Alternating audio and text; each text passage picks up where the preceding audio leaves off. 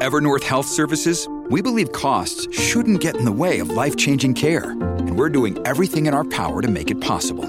Behavioral health solutions that also keep your projections at their best? It's possible. Pharmacy benefits that benefit your bottom line? It's possible. Complex specialty care that cares about your ROI? It's possible. Because we're already doing it. All while saving businesses billions. That's Wonder made possible. Learn more at evernorth.com/wonder. Podfresh Daily'nin 132. bölümünden herkese merhaba. Son derece karlı, kapkaranlık, buz gibi bir haftaya başladık ama umarım keyifli bir hafta olur hepimiz için. Ee, geçtiğimiz gün pazar günü daha doğrusu e, Milliyet Gazetesi Pazar Ekinde sevgili gazeteci arkadaşımız Seyhan Akıncı'nın podcast evreninde neler oluyor isimli son derece keyifli bir haberi yayınlandı. Biz de bunu zaten dün hem kişisel hesaplarımızdan hem Podfresh'in bütün hesaplarından sizlerle paylaştık. Bugün birazcık bu haber hakkında konuşmak istiyorum. E, özellikle ana akım olarak nitelendirilen e, basılı mecraların, basılı medyanın podcast olan ilgisinin son dönemde ne mutlu ki arttığını görüyoruz. Bu konuda da e, Milliyet'in ve sevgili Seyhan'ın, Seyhan Akıncı'nın da e, son derece yoğun ve güzel çabaları ve katkıları var. Buradan kendilerine sonsuz teşekkürlerimizi gönderiyoruz.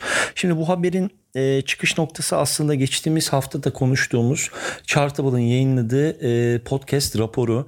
Bu raporda e, tekil e, dinleyen cihaz sayısında ve kullanıcı sayısındaki en büyük artışı gösteren Türkiye podcast ekosistemi ve aslında bu e, sadece tabii ki milliyetin ilgisini çekmesi inanılmaz önemli.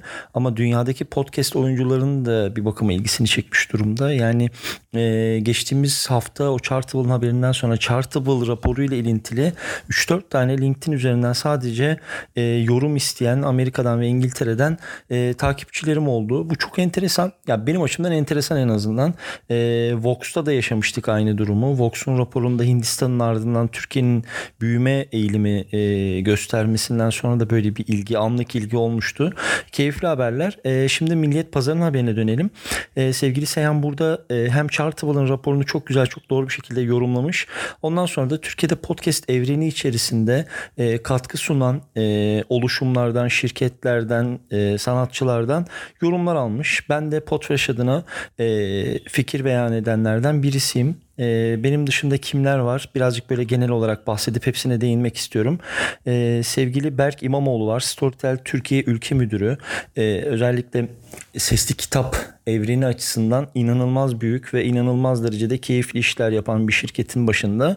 Podcast destekleri de işte sevgili Nilay örneğin podcastinde olduğu gibi e, nasıl olunur podcastinde olduğu gibi podcast programlarına da öncülük ediyorlar, sponsor oluyorlar. Çok önemli katkıları var. Onun çok keyifli bir yazısı var. Okumanızı öneririm. E, elimden geldiği kadar yüksek çözünürlüğünü bültenin içerisine gömdüm. Oradan şöyle biraz zoom yapa yapa okursunuz. Çünkü dün de sokağa çıkma yasağı vardı. Hani gazeteye ulaşım eminim nispeten zordur. Ben de Türksel dergilik üzerinden okudum açıkçası e, Berk İmamoğlu'ndan sonra sevgili Tülin Özen e, onun da e, Karanlık Bölge isimli Podbi ile yaptığı Podbi Medya ile yaptığı bir podcast serisi vardı hatırlarsınız. Onunla ilgili oradaki seslendirmeyle işte orada yaratmaya çalıştığı, yarattığı o başarılı dünya ile ilgili çok keyifli yorumlarda bulunmuş. İçeriklere çok fazla girmek istemiyorum ama isimlerini anmak bence çok önemli. Hemen ardından e, sevgili arkadaşımız Can Dost Bayraktar Podbi Medya'nın Podbi'nin kurucu ortağı. E, e, Can Dost'un çok doğru, çok keyifli yorumları olmuş. E, iyi hikaye olan inancımız nedeniyle dizi yapıyoruz diye Podbean'in e, diziler üzerindeki e, diziler üzerine ilgisi ve o alanda yaptıkları yatırımları anlatan Yine çok güzel, çok keyifli iki paragraftan oluşan bir e, yorumu var Can Dost'un. En sonda son olarak da e, ünlü senaryo yazarı Levent Kazak yakın dönemde onun da bir e, keyifli bir podcast serisi başlamıştı. Onu da dinlemediyseniz bir ona kulak kabartabilirsiniz.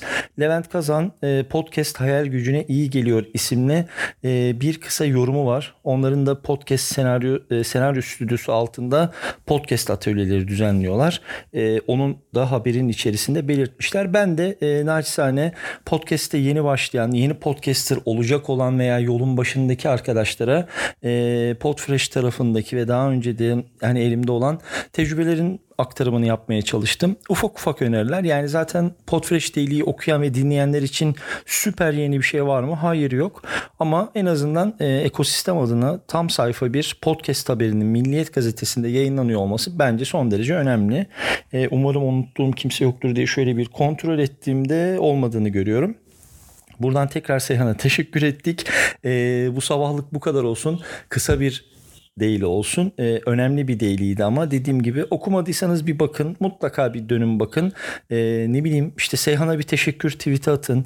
E, haberin içerisinde bulunan diğer e, arkadaşlarımıza, diğer sanatçılarımıza beğendiyseniz merak ettiğiniz bir kısım varsa sorular sorun. Yani bu böyle haber yapılmış ve kalmış gibi olmasın diye öneririm. E, bu sabahlık bizden bu kadar olsun. Yarın sabah saat tam 10'da Potreş Daily'nin 133. bölümünde tekrar görüşmek üzere. Çok sevgiler herkese.